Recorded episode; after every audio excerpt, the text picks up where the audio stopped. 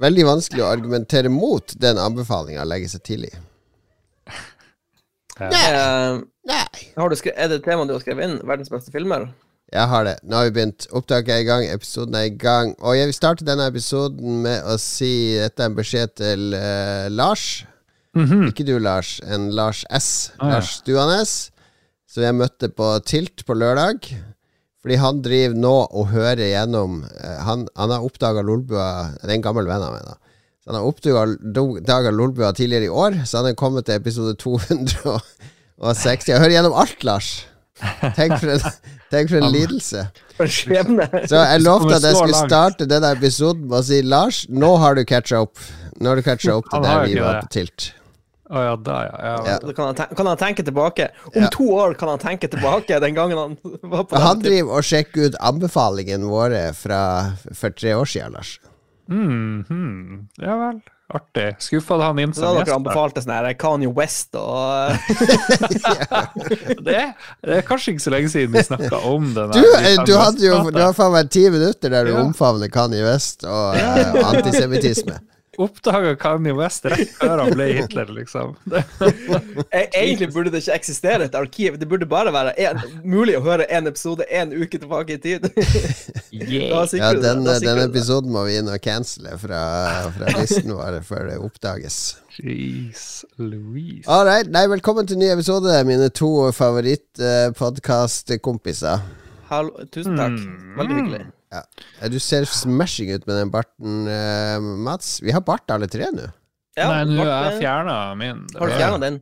Jeg bare sjekk. blond, din eller sånn. blonde bart? Jeg har også begynt å få Jeg må barbere bort eh, Ja. Nei, du kler eh, bart, eh, Mats. Det, det, Ja, det varmer et hjerte. Varmer et bartehjerte. det skal du ha. Det skal du ha. Ja, Har det skjedd noe siden sist? Jo, vi begynner i tradisjonens tro. Eh, det har skjedd litt lite. Jeg har Er, vært litt sånn er, privat. er, først, først.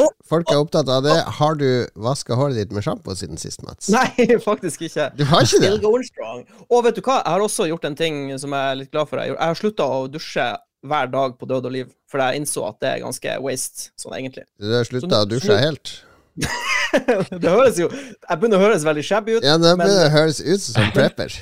men nå nå dusjer jeg ca. annenhver dag. Men hvis jeg gjør noe hvis jeg, hvis jeg blir svett, så må jeg jo selvfølgelig dusje og vaske meg. Men Ja. eh, sånn hvis jeg ikke gjør noe, hvis jeg sitter med PC-en og er ute og kjører bilen et par ganger, og det er det jeg gjør den dagen, så gidder jeg ikke å dusje når jeg står opp morgenen etterpå. Da, da utsetter jeg en dag.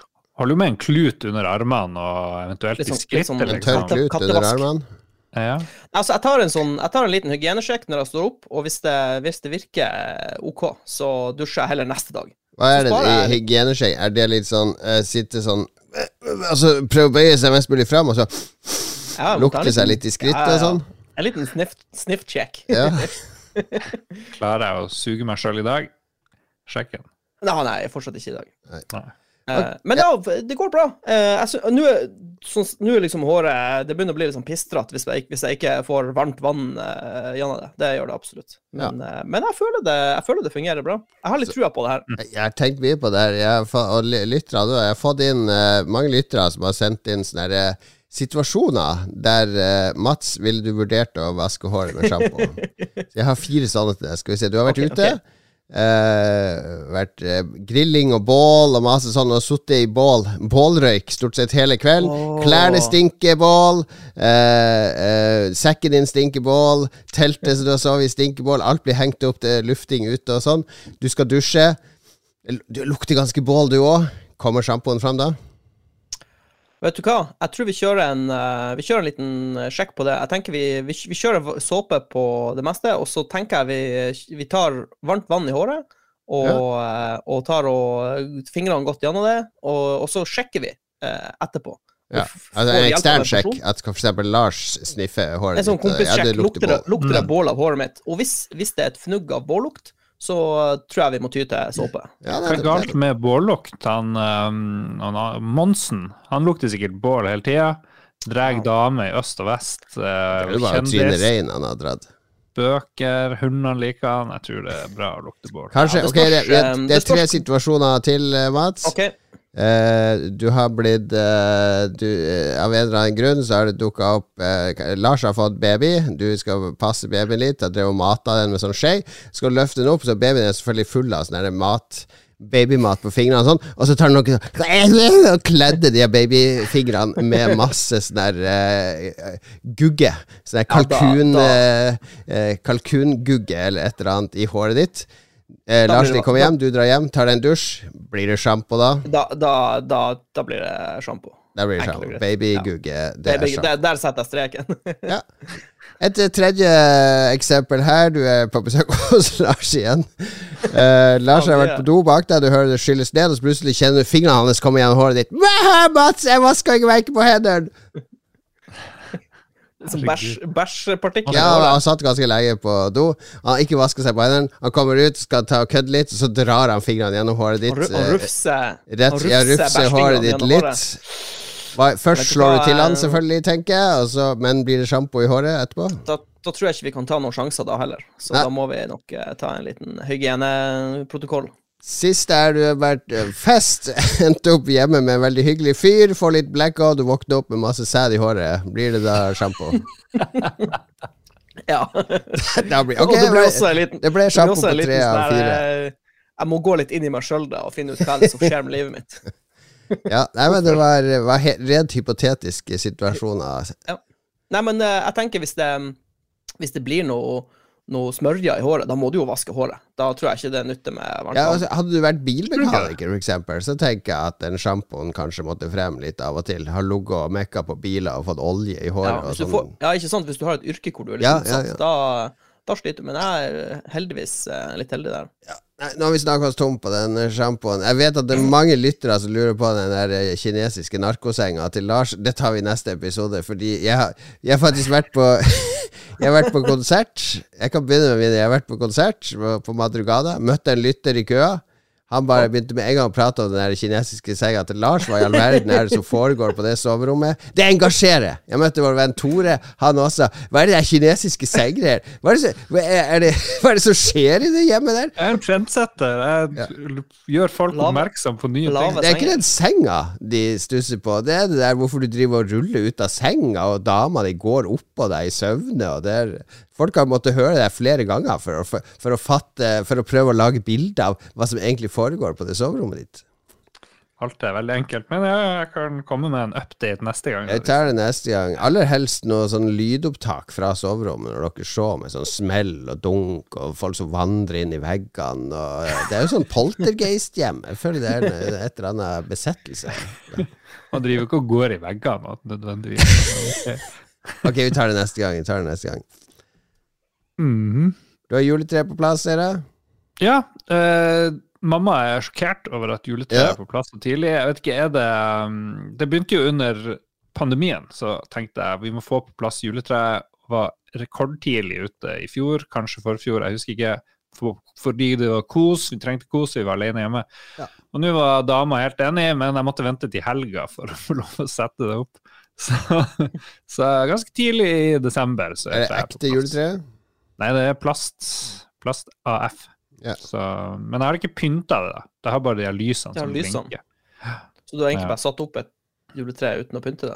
Så er det noe sånn eh, konsensus om katt i juletre bør være på plass. Eh, Oppe i Harstad så var det kjøpt inn, og så ble det pynta lille julaften. Rundt lille julaften skulle man liksom Ja, det er mye styr der med å pynte lille julaften. Jeg syns det er greit å få det på plass en uke før julaften, kanskje. Mm. Ja, eh, uke før høres bra ut, spør du meg. Men så etter julaften så tenker jeg da kan det jo gå ned eh, fort som bare helvete.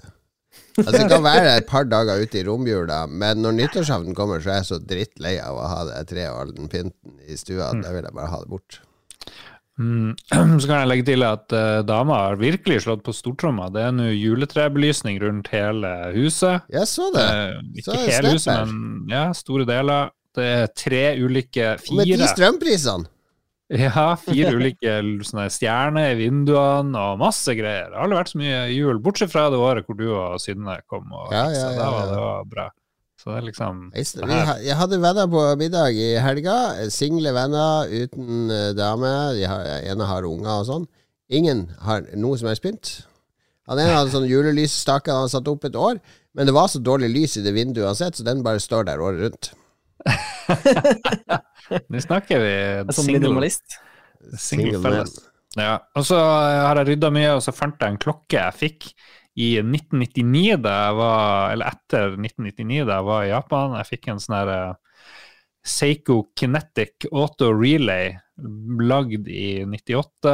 Kosta en del da, husker jeg. og Så fikk jeg den klokka etter å ha vært nede i Japan, og så har den ligget litt sånn ubrukt nesten helt siden da. Og så fant jeg den, og så rørte jeg litt på den, og jammen meg så våkna den ikke til live. Så nå har jeg den på meg, og etter å ha ligget ubrukt og stått i ro i sånn 15-20 år, så, så funker den som bare det. Så jeg må anbefale sånn uoffisiell anbefaling av Seiko sånn her Kinetic-klokke. Ja. Eh, Kvalitet! Evig, evighetsklokke. Ja. Er det noe sånn der Seiko er eh, bra. Ja, Seiko er jo et kvalitetsmerke. Det er jo sånn dykkerklokke og sånn. Men er det noe sånn ryddeprosjekt på gang? Er det begynt å sjaue unna alle de Hund-gamle DVD-er og presseting og bøker og andre ting? Ja, for det er veldig lite plass. Og så egentlig drev jeg og lette etter noe helt annet. Jeg lette etter skruene til ei hylle jeg hadde med ned fra Alta da jeg flytta hit i 2013 eller noe sånt. Og det er klart jeg ikke finner, men jeg begynte å rote og fant masse andre artige ting. Ja. Så jeg fant bilder fra 1999 som jeg sendte til dere. Ja, det var Gud, hvor vi så ut! Du, hva du sa vi så ut som vi var statister i Trainspotting. Ja, vi, vi, er, vi ser jo ut som vi hører hjemme. Vi er, vi er den 90-talls Så litt sånn eh, pøblete ut. Ja, vi vi var litt edgy der. Ja, morsomt. Skal, skal dele det med patrions. Del det med patrions. Sett de to bildene sammen. Det er, eh, det er jo oss to, Lars, for Ja. eh, faktisk 23 år siden. Og så fant jeg sånne gamle, sånn, ikke akkurat kjærlighetsbrev, men nesten sånne folk jeg var på språkreise med i 95, 94, nei, hva det blir, 92, 90, rundt 90. Eh, og så fant jeg sånne halvkjærlighetsbrev fra litt seinere. Hvor innafor er det å For jeg har ikke fått lest dem sånn ordentlig. Jeg vet ikke om jeg har lyst til å lese dem. Men for, eh, skal man kaste sånne ting, eller skal man ta vare på dem? Det, Du skal ta bilde av det og legge ut til patrions. Åh, Jesus. Jeg tror ikke ikke dama er sånn stor fan av å liksom holde på sånne her ting, så jeg må ta det opp med henne. Men jeg tenkte jeg skulle høre med dere først. Ja, nei, jeg, jeg, Spørs jo hva som blir skrevet i nevnt brev. det er ikke noe å ta vare på, egentlig. Er det, er det en person som er i Nei. live fortsatt? Kjenner det er jo artig med med sånn videregående ungdomsskoleting, men sånn er det etter du blir voksen, det føler jeg, Jeg tenker, jeg tenker hvis, det var, hvis det var en person du endte opp med å bli gift med, og sånn, og du fortsatt er med den personen, så er det jo morsomt å ta vare på. Men hvis du ikke har noe med dem å gjøre i dag. Nei, så er det jo litt sånn ja, Hva er da poenget? Ja, Altså, hva er en poenget? sommerflørt, liksom, i Ja. 1991. men det hadde vært gøy når faderen døde, om jeg fant masse sånne rare korrespondansegreier fra hans Ja, ungdom. det blir jo, det blir jo en annen. Det blir jo Ja, det helt annet. Medlemskort i Nasjonal har- Samling og sånn, som man finner til foreldrene sine Ja. når man rydder. Men jeg har jo ingen barn sjøl, så jeg vet ikke om noen blir å bry seg så jævlig mye om Det, eh, det der har jeg tenkt på mye, Fordi når jeg dauer, så er det det er tonn med drit på loftet. Det er masse sånn spillting og gammel maskinvare til spill og eh, Bongotromme Går det- til? Donkey Konga og eh, rockbanding og en, en hel masse eske på eske på eske med gamle spill. Jeg har jo sagt til dem det er jo bare å kaste alt sammen. Altså, se, Prøv å selge det. Prøv å selge det. Jeg skal gjøre en eller annen jobb før jeg dauer.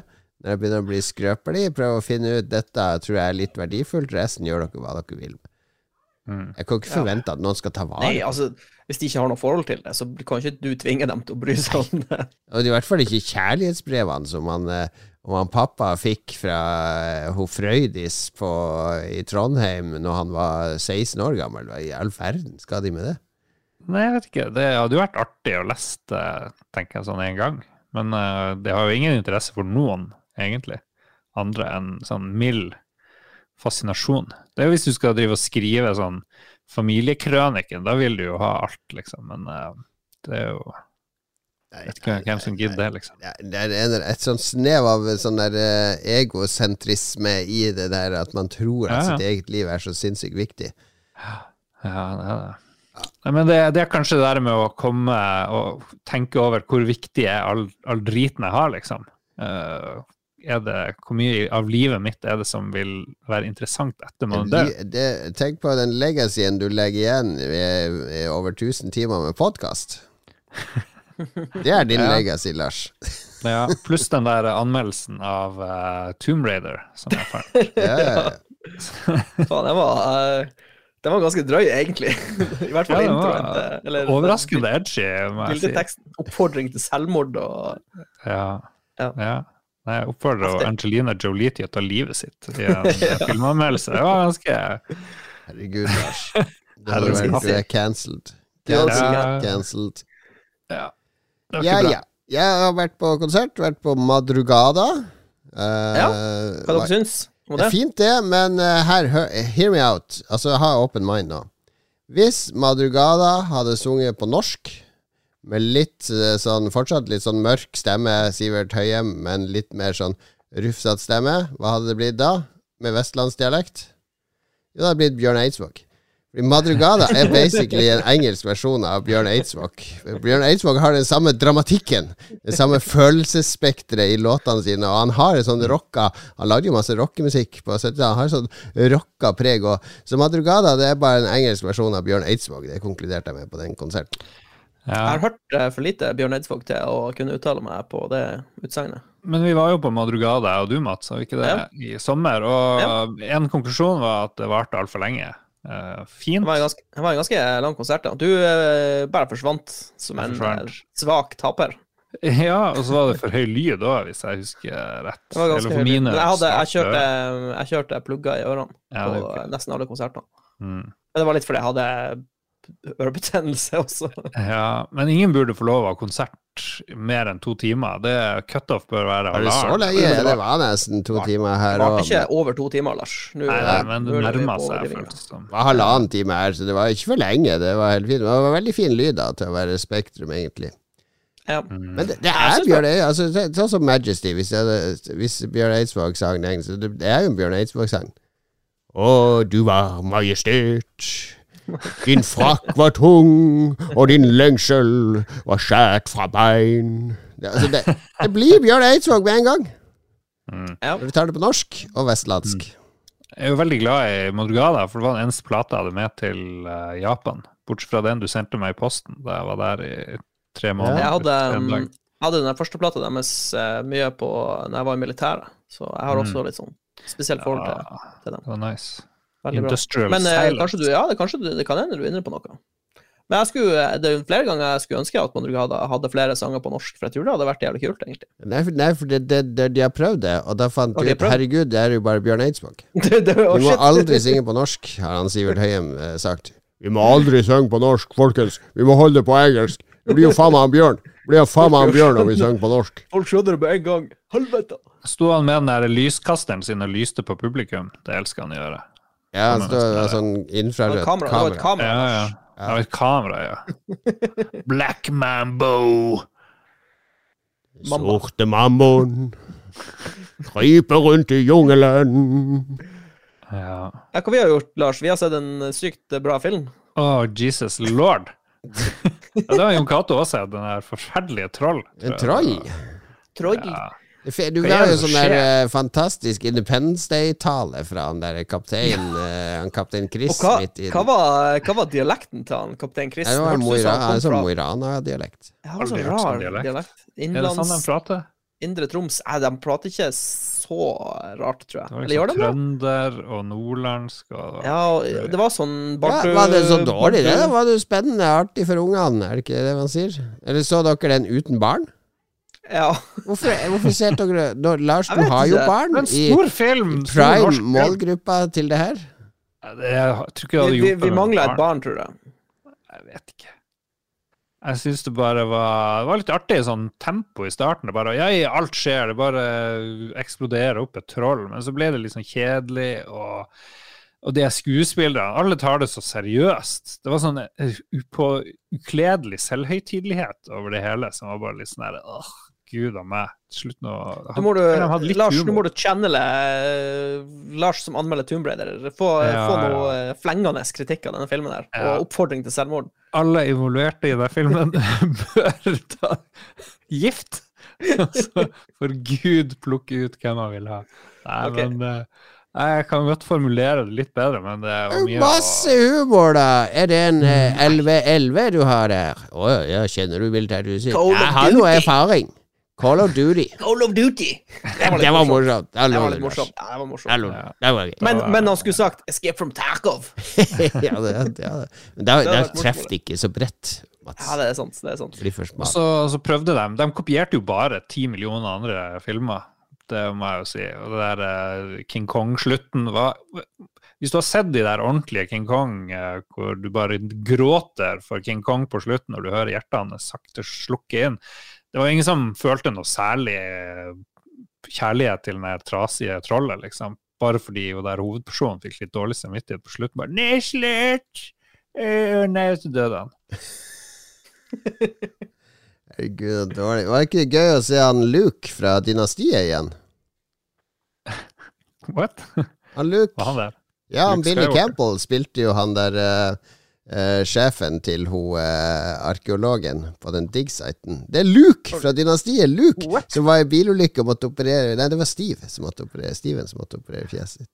Jeg vil gjerne ha innspill fra vår eh, arkeologvenn eh, Prøys Skau, som kan bekrefte eller avkrefte at når de driver og skal grave ut skjelett, så står de med en sånn stor spade og slår så hardt de kan nede i bakken.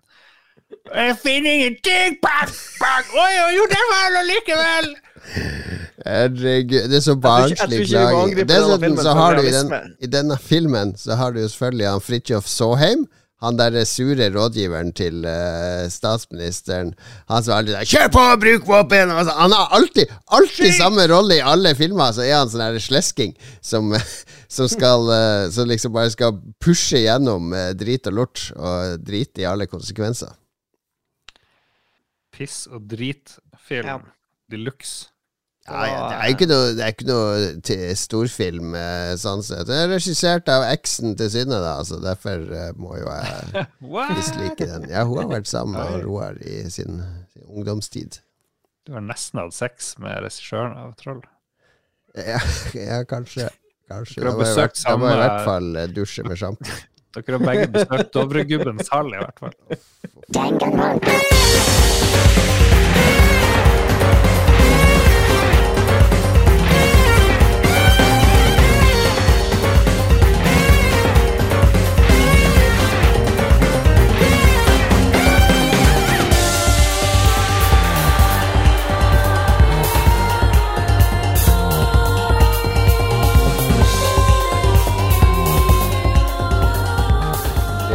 musikk fra Danganronpa der.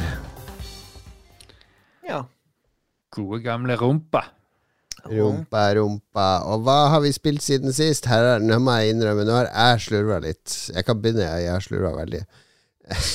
Fordi jeg, Mats, du har mye makt. Du snakka så varmt om uh, Dragonflight Yes. sist. Det er bare ok, resubscribe, og så kjøpte jeg. Herregud, så dyre de expansionene der ja. Så jeg kjøpte selvfølgelig den billigste expansion. Jeg trenger ikke alt det andre jalla-dritet. Noe kort i Heartstone og noe Det er bare- det er bare Steeds fjas. og Mounts. Kjøp den billigste alltid.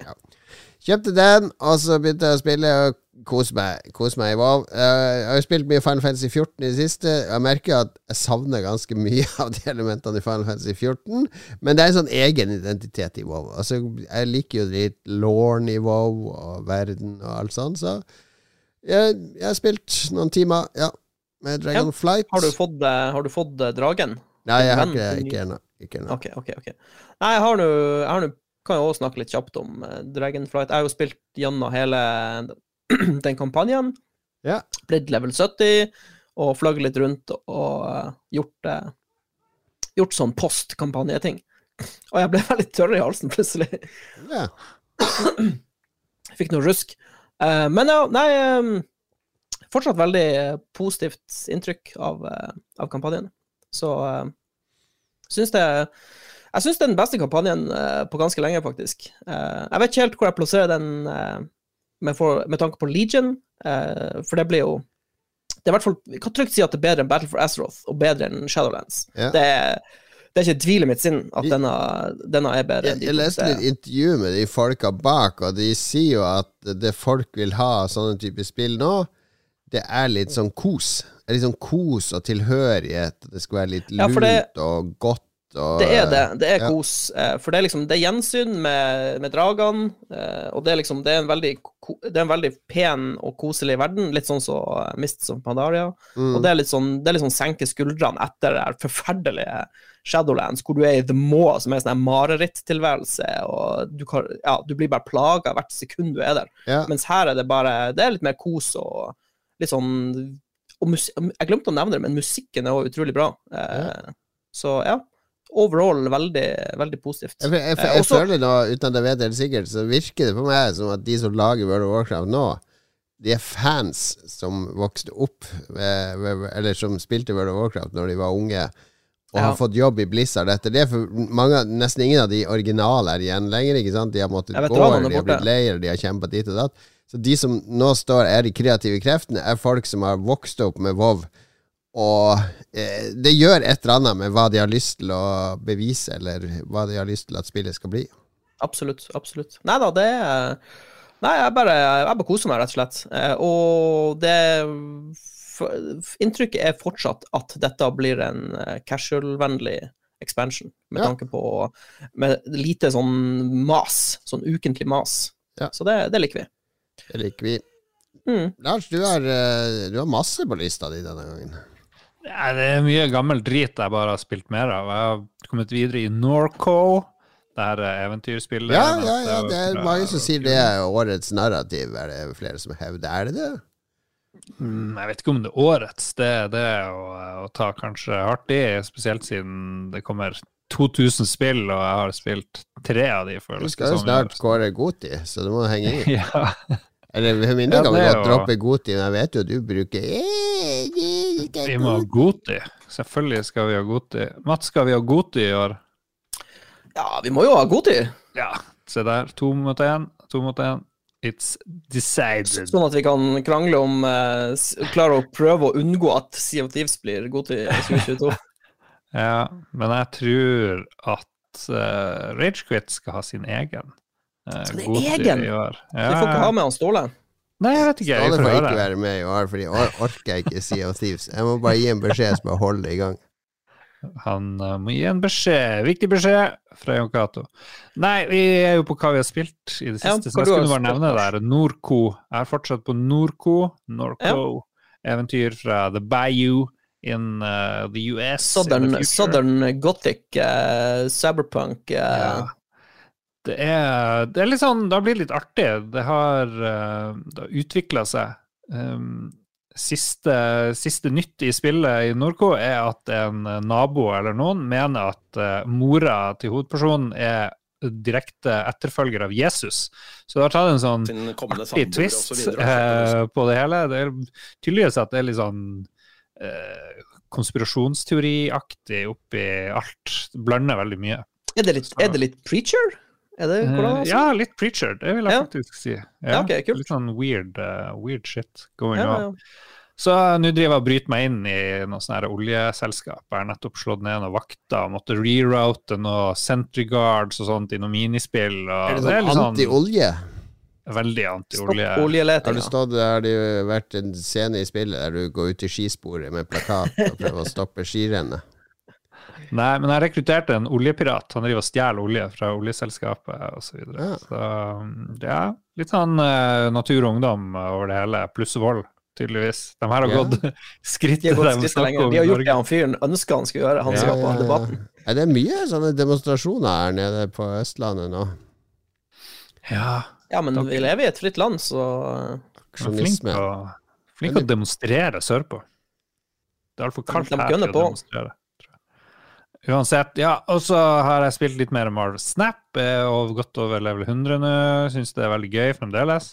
Det. Og, og det eneste nye i gåsetegn jeg har spilt, er en ny versjon av Fordi Rovio, det finske selskapet, har sluppet nå en classic-serie. Så nå har de sluppet Rovio Classics Angry Birds. Oh som er på en sånn liste over beste mobilspill i 2022. Og det kan godt hende at det er veldig bra, men det er totalt uinteressant. Jeg angrer bittert på de 11 kronene jeg betalte for å få sånn reklamefri Angry Birds. Men heller ikke her, som i det forrige Angry Birds-spillet jeg henta ned, så er det ingen leaderboards. Og det eneste jeg er interessert i, det er å knuse andre folk i å være flinkest i å kaste fugler om igjen og om igjen og om igjen etter å få maks highscore. Hva er liksom Jeg skal sende sinte brev til Rovio og finsk. På finsk. Hyve beide, eisa peita rovio. Og så videre. Så det er liksom Det, det er utrolig skuffelse. Hva, er, hva, er fasten, hva, er gøy med Angry Birds hvis ikke du er bedre enn andre? Jeg skjønner ikke hvorfor andre folk gidder å spille de her tingene. Er, du er det, er det fordi du ikke er bedre enn andre ellers i livet? At du må ha sånn det, liksom? ja Nei, jeg er bedre enn mange andre. På dine. Ja, men jeg liker highscore-ting, ikke sant? Det er som å spille der uh, Trials uten highscore-liste. Det blir jo å fort veldig kjedelig. Norco uten highscore? Jo, men det handler ikke om å score. Det handler Angry Bird som handler om å kaste best, bruke minst mulig fugler, få høyest mulig highscore, og så får du stjerne. Highscoren er alt i det spillet. Det er det ikke i Norco, hvor det ikke er noe score i det hele. Ok. Ja. Achievements i Norco. Så jeg vet dere hører på, Rovio. Get with the program. Jeg skal ta et spill som jeg hadde tenkt å spille til denne gangen. Uh, og så tok jeg til fornuften, fordi nå har jo Steam har jo skrudd opp prisene. Uh, begynt å skjønne hvordan kroner og dollar og moms og sånn fungerer. uh, for vi har jo vært forskåna med relativt lave priser på Steam. Det har ikke vært dollar ganger ti, liksom. Vært mer dollar ganger åtte. Altså, jeg har veldig lyst til å spille der Marvel Midnight Suns, som kom nå. Det er Firaxis som lager, ikke sant? De folka som har laga XCOM og sånn. Det er jo sånn tactical Det er sånn kortspill og strategispill og eh, litt sånn rollespill der man skal drive og gå på, på De Marvel-heltene skal drive og, og henge sammen og gjøre ting sammen og bygge bånd og, og låse Det høres fantastisk ut. Høres veldig bra ut. For det, der, der Marvel for meg Jeg har null interesse av Marvel på film- og TV-seriefronten nå. Det er bare blir det sånn, Bare dytta seg sjøl utfor sånn stup der det er ingenting som fenger meg med hva som skjer i det Marvel-universet nå etter den store arken med Avengers. Det virker ikke helt som de vet sjøl hva, hva de skal gjøre med Marvel nå. Men på spillfronten der kommer det ting som Marvel Snap og Marvel Midnight Sun som bare tar franchisen og gjør helt nye, spennende ting med det. Og det liker jeg. Så jeg hadde lyst til å, teste det. Det koster jo faktisk vanlig spill. Det koster 659 kroner på uh, Steam. Spicy.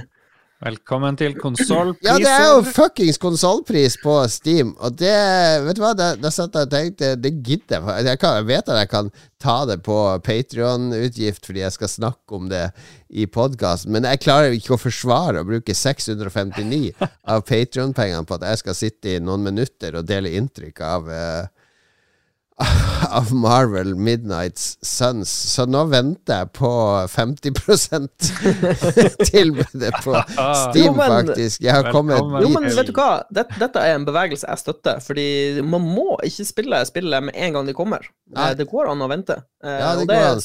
Og vi spillet fortsatt ikke er interessant for meg Hvis spillet ikke er interessant for meg om et halvt år, så har jo ikke det, det er jo andre ting som er interessant å fenge med da, så jeg, jeg taper jo egentlig ingenting. Nei, Nei jeg støtter dette. Jeg støtter dette eh, 100 Men finnes det ikke en sånn pressekonto på Steam? Det hørte jeg om eksisterte, at noen hadde sånn hvor du får Jo, han på. Snorre Bryne i Dagbladet har det, så jeg har jo han som venn. Så uansett Mm. hvilket spill jeg spiller på, eh, klikker meg inn på i storen, så står det at han eier det. For de gjorde det i starten, når Steam kom. Så var det de journalistene som var tidlig ute første året. Der ga de presseadgang til en hel haug med folk. Holy shit. Og Det er så jo en begynte de å skjønne hva de hadde gjort etter hvert, så det er helt umulig å få en sånn konto nå. Tenk det var God mode! ja, det er God mode på Steam, og uh, de får ikke fjerna det heller av en eller annen grunn, Så så han Snorre har det fortsatt. Han kunne sikkert solgt den kontoen der for 50 000 eh, spenn, eller noe. Holy shit, så jævlig bra. Ja, det er scary. scary. Men jeg, jeg, jeg skal spille det når det kommer på tilbud, eller vi får litt eh, flere patrons. det forsvare. Det var godt innsalg. flere patrons. Nei da, det er ikke noe hast. Herregud, det er masse steder du kan få impressions av det spillet. Dessuten jeg vet vi at folk er jo her for prime content, som er Marvel Snap. Det er jo det Ja. som er vårt uh, goti så langt. Men du, jeg har spilt mer Darktide òg, Mats. Spilt mer Darktide, driver og leveler opp en Zealot Preacher, og ja, storkoser meg. Nå eh, nå har spillet begynt å få litt sånn patcher, så den eh, performance-biten har blitt eh, bety betydelig bedre. Ja. Så nå fly, flyter spillet ganske bra. Så jeg driver og spiller det med noen kompiser og storkoser meg med det spillet der. Det er, det er rett og slett De har bare blitt veldig gode å lage sånne typer spill, de her eh, Fat Shark. Så det kommer jeg absolutt til å fortsette å spille. Uh, Fat har et par sånne små, småklager, men sånn spillmessig er det veldig bra. Det er et par småting uh, med tanke på den uh, Det er en sånn butikk du bruker i spillet for å kjøpe deg utstyr, som refresher én gang i timen. Ja. Uh, men så, så er den veldig vekta mot enkelte typer våpen som dukker opp hele tida, så du blir liksom lei å bare få tilbud på de uh, våpnene. Men, eh, men det er sånne ting som de fikser etter hvert, så eh, det, det er ikke noe stort problem. Men eh, ja, elsker musikken, elsker verden, uh, gameplay er morsomt. Og så er det sånn fint spill for å bare sette seg ned og ta et mission eller to. Du må Hva ikke det- bruke hele kvelden. Hva er det det gir sjela di, og nye tanker om uh, Eh, Uh, det som er fint med det, det er litt, litt, litt det samme som World of Warcraft, er at fordi uh, jeg har jo spilt mye sånn Warzone, Escape from Tarkov, og det er jo veldig, veldig knivete spill med tanke på PVP. Altså, du, du er i konstant konflikt og krig, og det er veldig brutalt, eh, siden du slåss mot flinke spillere. Mens her, i Darktide og World of Warcraft, så slåss du mot eh, datamaskin. Og så har du med vennene dine på eventyr. Så det er litt mer sånne senka skuldre og kos. Og så er det noe morsomt med å slåss med sånne her gigastore horder, og bare svinge motorsager og plasmarifler og Ja, det er noe, det er noe eh, koselig med det. Så Darktide, Darktide eh, blir med videre inn i juletida. Veldig gøy.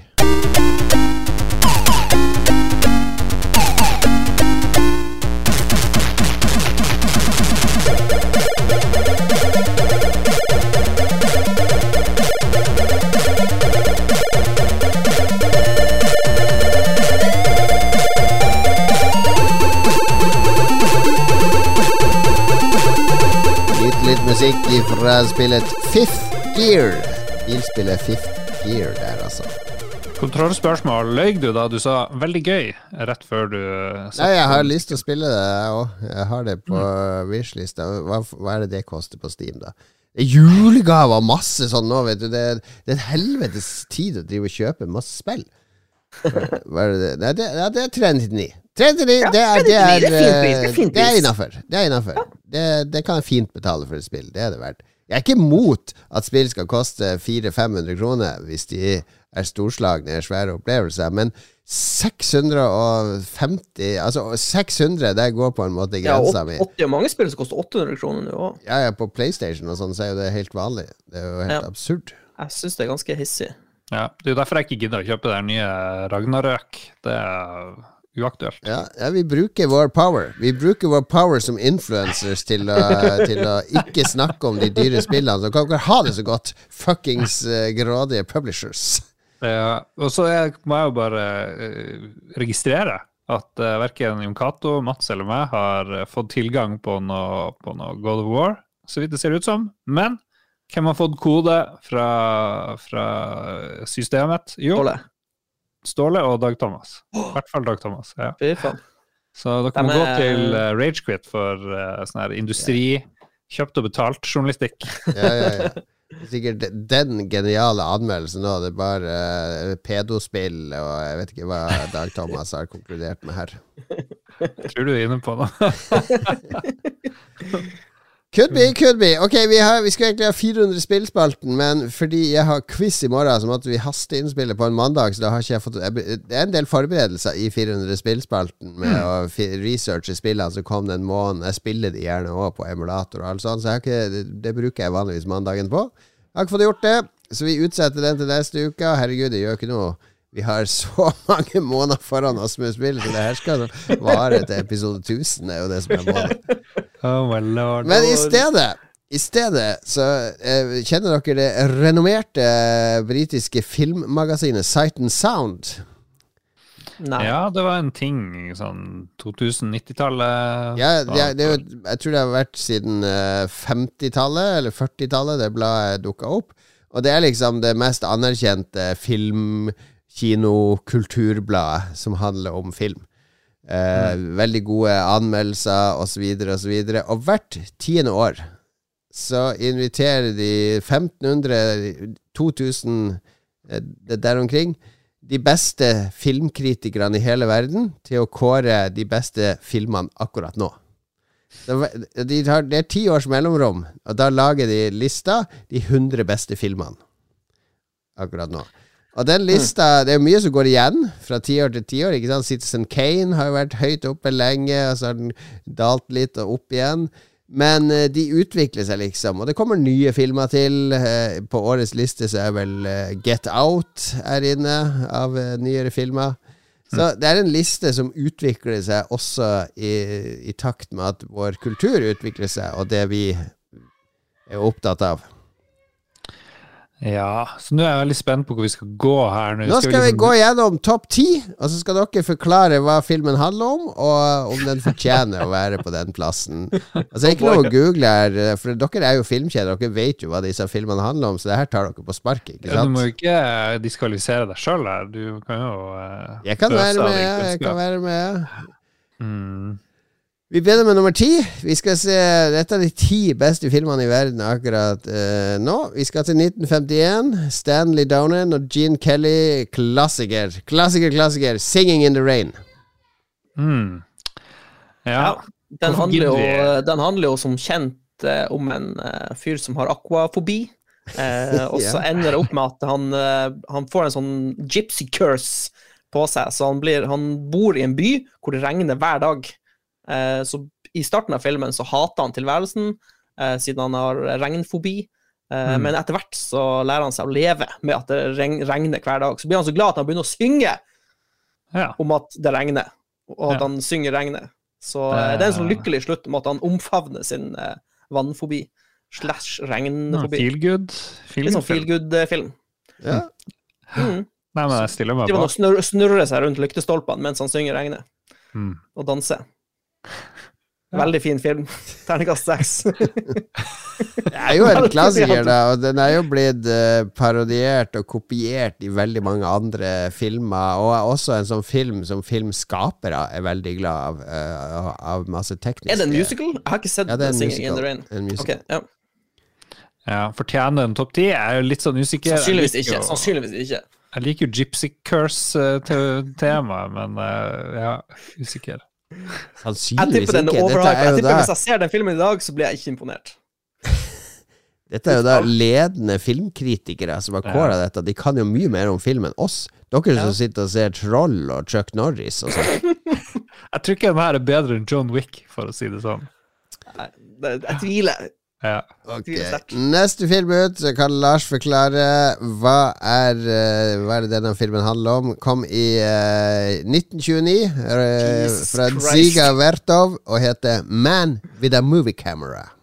Man with a movie camera. Det er faktisk uh, verdens ikke første film, men det er sånn cirka verdens syvende første film. Lang film. Eh, sånn retrospektiv sak. tidlig dokumentar om en mann med et videokamera. Fer rundt og filmer sånn hunder og hester og folk som går veldig fort. De går sånn brrr, bort gjennom gaten, og så detter de litt og sånn. eh, Sølepytter. Ja. Så det slutter med at han uh, ser ikke hvor han går, han detter ned en sånn heissjakt. Så blir alt filma. Så bare slutter med at han ligger på gulvet i heissjakten. er. Spoiler alert. Mm. Ok. Nei, men det er, det er en russi... Russerne var jo pionerer på film. Det var Battleship Potemkin og er jo selvfølgelig også på denne lista. Den så jeg på nytt her om dagen, og etter denne lista dukka opp, for det er ganske kort.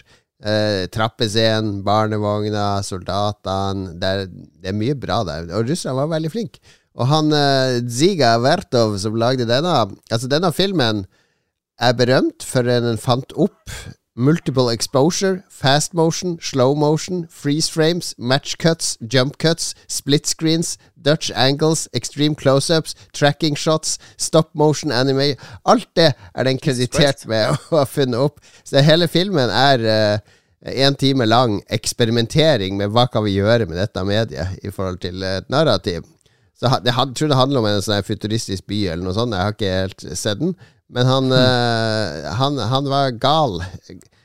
Eh, eh, En veldig pioner på veldig mye, da. Ja. Slår det søte dame som danser sånn shuffle dance på TikTok. Veldig usikker. Ja, kanskje, kanskje.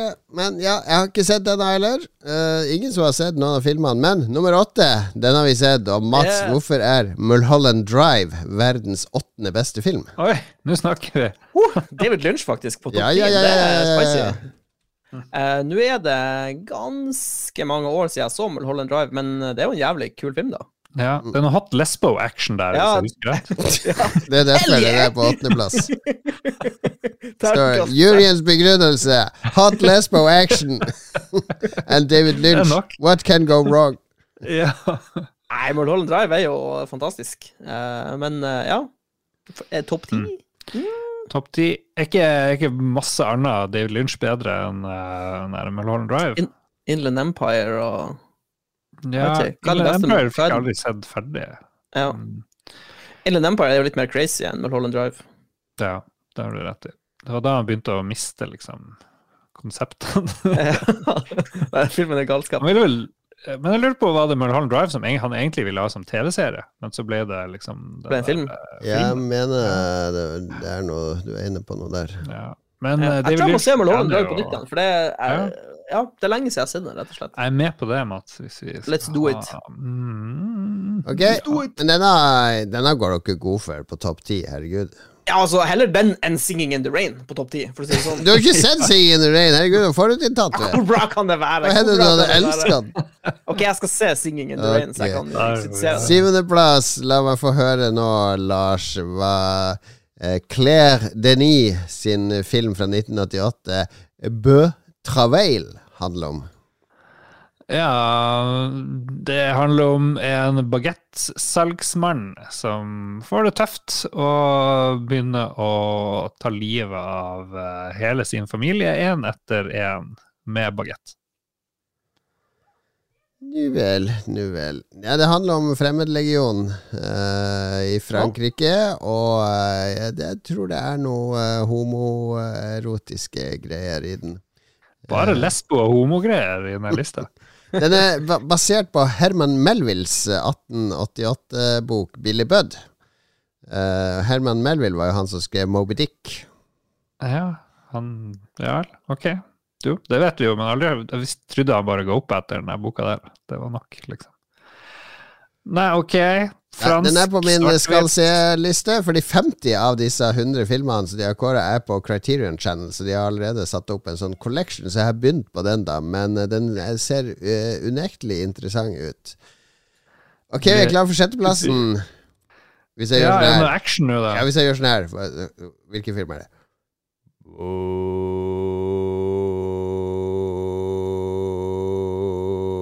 Strupesang. Boo! bu. Å ja, 2001. Men- Da det- Bom, bom, bom, bom, bom, bom, bom, bom. Ok, dere skjønner greia? Ja. En, endelig en film for oss eh, monolittentusiaster. Yes, yes, yes, yes. Vi snakker 2001, A Space Odyssey, Stanley Kubrick 1968. Det, det er en film som holder seg jævlig bra, med tanke på at den er fra 1968, vil jeg si. Ja. Har den på Blu-ray, utrolig fin eh, kvalitet fremdeles, selvfølgelig. Ja. eh, Ta vare på det. Men 2001 handler om Elon Musk. Det er masse AI, det er space shit ute i verdensrommet. Folk som går gal. Tenk, Eh. Elon Musk han kan sikkert kjøpe den filmen òg, rettigheter til den filmen òg. Og så kan han lage en sånn ny versjon med sånn der Tesla i verdensrommet sånn. Han har jo sendt opp en Tesla til verdensrommet allerede. Ja, ja. Få en litt De skal jo lage en sånn robot også, så det blir jo sikkert eh, HAL 9000. blir Han redubber Hell med sin egen stemme. ja. Ja. Elon Musk er Hell 2000. Antagelig. Nei, det er sjette beste filmen i verden. Det kan vi i hvert fall være enige om, gutta. ja Det er ganske trygg, eh, trygg sånn eh, verdens beste filmvalg, vil jeg si. Ja, ja, ja, ja. Ja. Ja, men er den bedre enn Armageddon? Så vidt.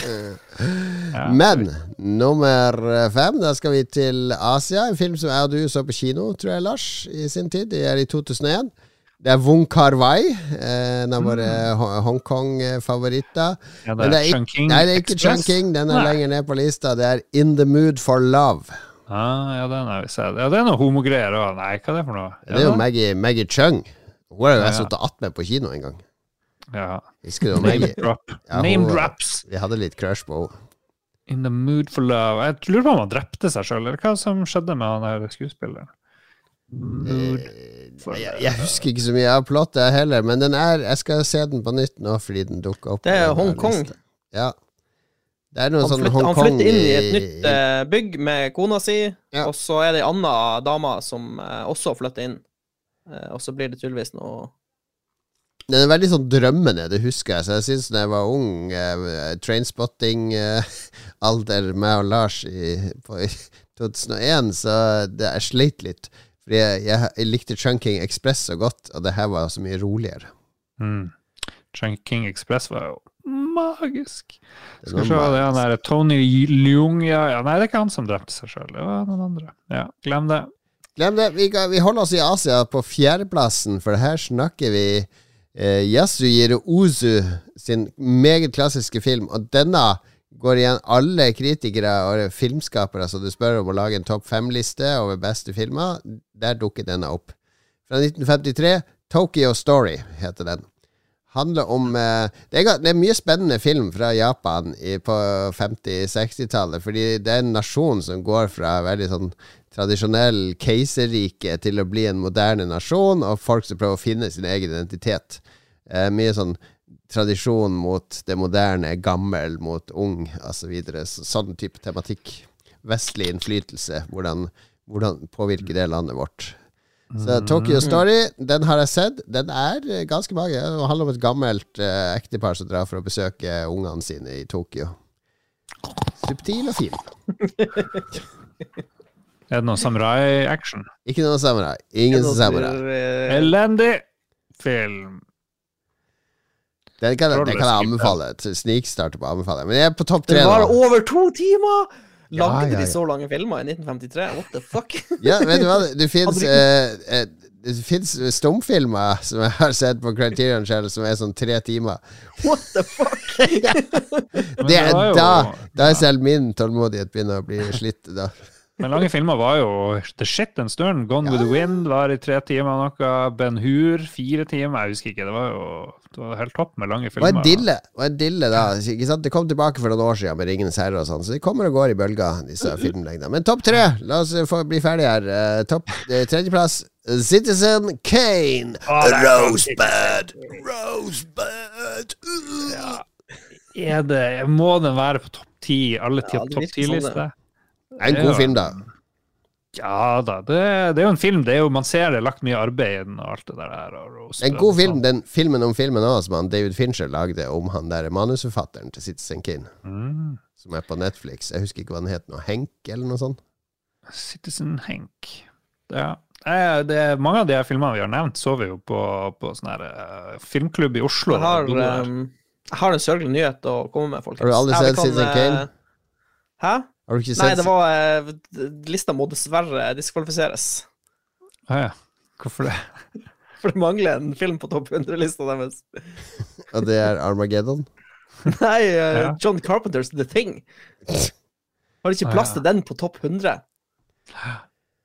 Det, Nei, det er for dårlig. nei, Det er men- dårlig. Men la, nå er det Citizen Kane det handler om, Mats. Har du sett Citizen Kane? Nei. Nei. Ser, Hva det handler om, jeg Mats? sliter med svart-hvitt-film. Klarer du å se det? Um, ja, jeg klarer fint å se svart-hvitt-film, men uh, jeg har bare ikke Ja. sett så mange av de eldste, de sånn 1940-tallsfilmene og sånn. Jeg vet ikke. Men, men Mats, du vet jo handlinga til de fleste filmer, så hva handler Citizen Kane om? Jeg liker jo dine beskrivelser. Citizen Kane handler jo selvfølgelig om uh, en fyr som prøver fortvilt å bli borger. Han Kane, da. Han er, først er han bare non-Citizen Kane, eh, men så klarer han eh, omsider å bestå prøven for å, for å bli borger. og da feires det med at Ja. han blir borger. Stor fest, storartet fest, eh, og så eh, er han veldig eh, stor fan av eh, sånne roseknopper. Så derfor, på slutten, så er det noe som hvisker i øret. Favorittgjenstanden til Borger Kane.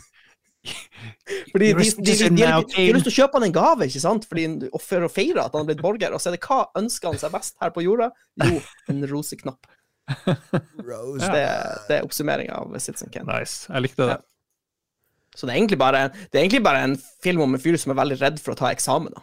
Han er veldig redd for eksamen. da. Nei, men det, jeg, jeg husker det første gang vi så den, Lars. Jeg ble jo veldig inspirert. Det var jo veldig kule vinkler, kameraføringer, teknikker, kul måte å fortelle en historie på. Jeg skjønner jo hvorfor den snudde opp ned på hvordan man lagde film eh, på den Ja. tida.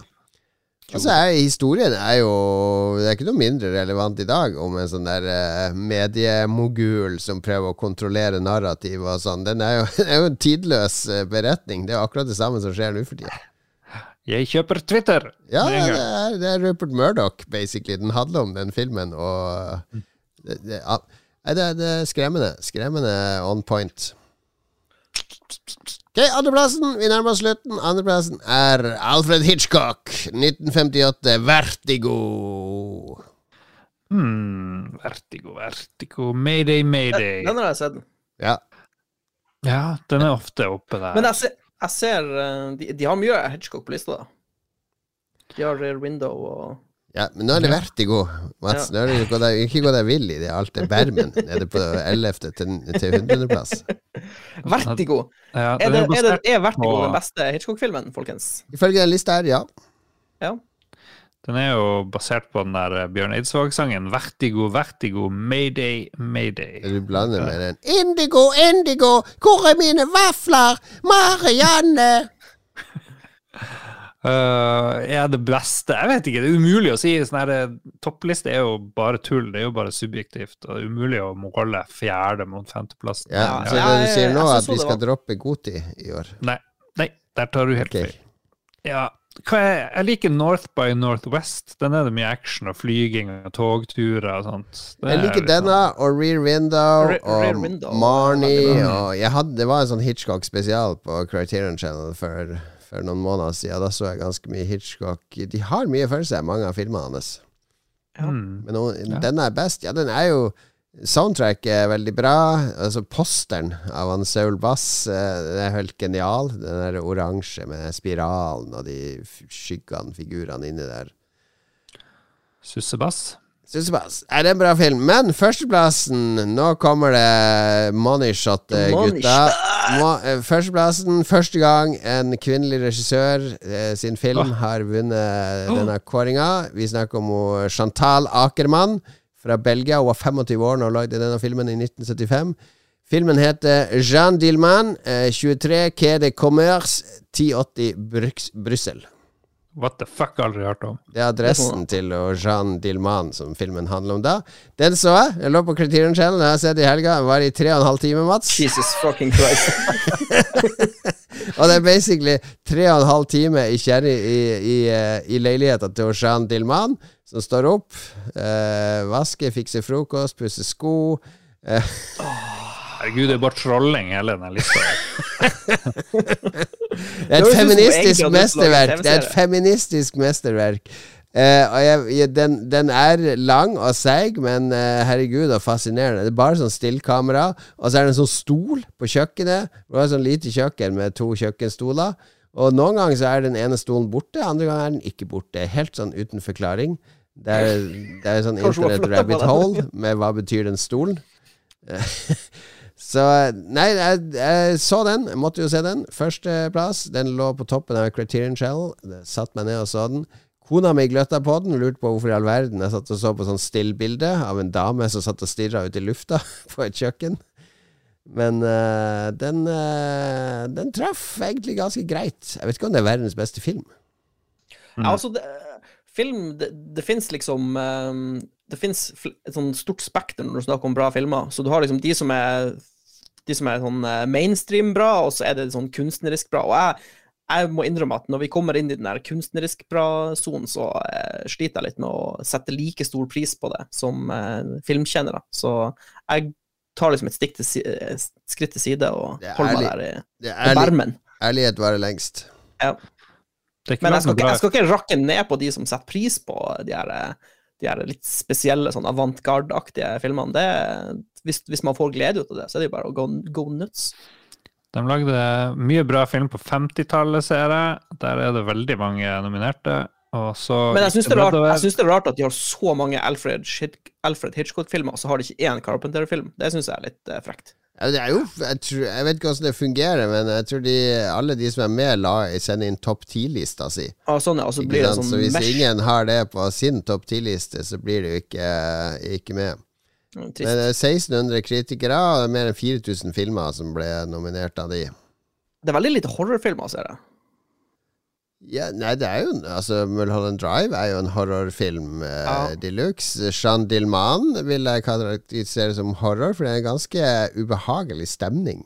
Det, det ligger noe under overflata hele tida. Det ligger horror i det òg, eh, Mats. Persona er jo på topp 20. Den er guffen. Så det trenger ikke å være så direkte spletterhorror.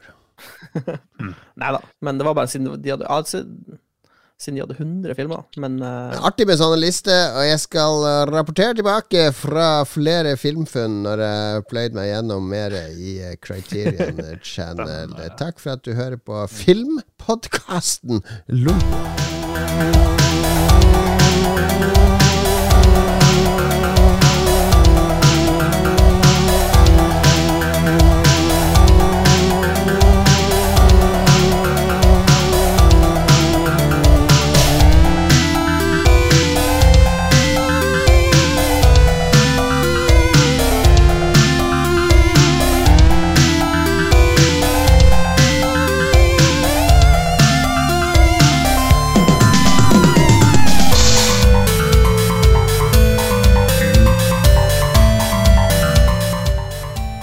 Var eh, musikk.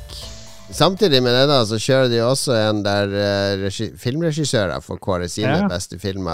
Oh. der Den får vi ta når vi kjeder oss. Scorsese og så Ja. videre. Men jeg kan, spoiler, der kom Spay i 2001 på førsteplass. Ja, der ser du. ja, Regissørene. Og Jean Dilman, eh, 23 Quai de Commerce 1080 i Bruxelles, kom på fjerdeplass. Å ja, det kom så høyt der, da. Ja, den kom høyt der òg. Fuck off. Taxi Driver på tolvteplass. Nå snakker vi. Nå snakker vi. Litt blue action, guns, guns, guns! Give us the guns! Ok, anbefaling. Nei, skal vi ha lytterspalten først, er det så? Eller skal vi ta anbefaling? Mm, det får vi se på. Skal vi se, om Scorsese har tre filmer i topp 30, i hvert fall, på regilista. Ja, han er med å stemme. Artig med liste. Han har nominert, Eh, nominert sine egne. Skal vi se, var det lytterspalte? Ja, vi må jo ta den. Det, vi skulle jo ha en gjest forrige uke, det gikk ikke. Vi fikk masse innspill likevel. Eh, Vi får, vi får, ta, vi får ta det som det kommer. Skal vi se. Um, vi tar den første der hvor vi nevnte at det skulle komme en standup-komiker. Det gjorde det ikke. Um, skal vi se. Ragnar Ween Tundal, hvor var vi da Rodney og Anette hadde sex på TV for første gang? Big Brother sesong 1. Da var jeg i militæret. Da var jeg på Skjold garnison. Eller nærmere bestemt brannstasjonen brannstasjon på Skjold. Jobba i Archmic, jeg så Big Brother hver dag. Vi så religiøst på Big Brother. Ja, Det var så spennende med reality-TV. helt Noe helt nytt.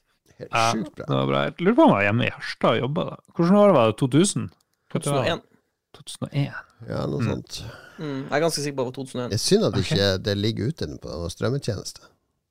Ja, det har vært eh, fantastisk. Eller var det 2000, kanskje? Um, Jeg er litt usikker. ja, skal vi se introlåten her.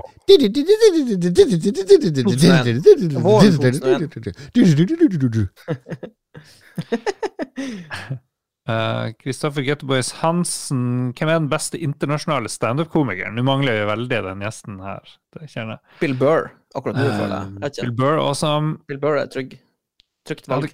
Jeg hadde kanskje stemt på han runkeren eh, for noen år siden, men ikke nå. Hva er han her for noe? Han CK Louis. CK Louis.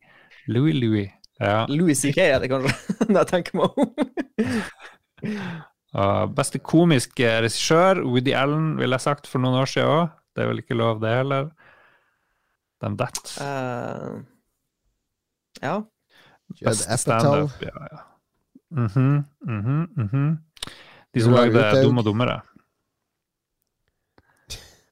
Beste komiker stand Ja, OK, uh, vi får spare det til vi Jeg har ser ikke på standup. Det gir meg så lite standup. Jeg ser litt sånn snutter av og til på sånn ja, YouTube. er og sånn. noe snutt. en vits, Ja. liksom. Men nå sitter man ned, sitter én time og ser på en sånn stand- ja, standup-show Det eneste standupen jeg har sett de siste årene, er den der Tim Heidecker-standupen, for det er jo en mer sånn parodi på standup. Men vi må skille mellom se på standup-show hjemme i stua og gå på standup-show live. Det er noe helt annet. Det, Ja, det er, det er jo en performance. Det kan du gå Ja. på Lisa Tønne og Sigrid De der eh, De er i vinden nå med sin eh, Jeg vet ikke om det er standup eller performance, eller hva de kaller det. Men går det an, det, Lars? For de har standup De har jo show nå, eh, Tusvik og Tønne. Altså, det, har vært, det har vært litt skriveri i avisene, for de har sånne presseforbud.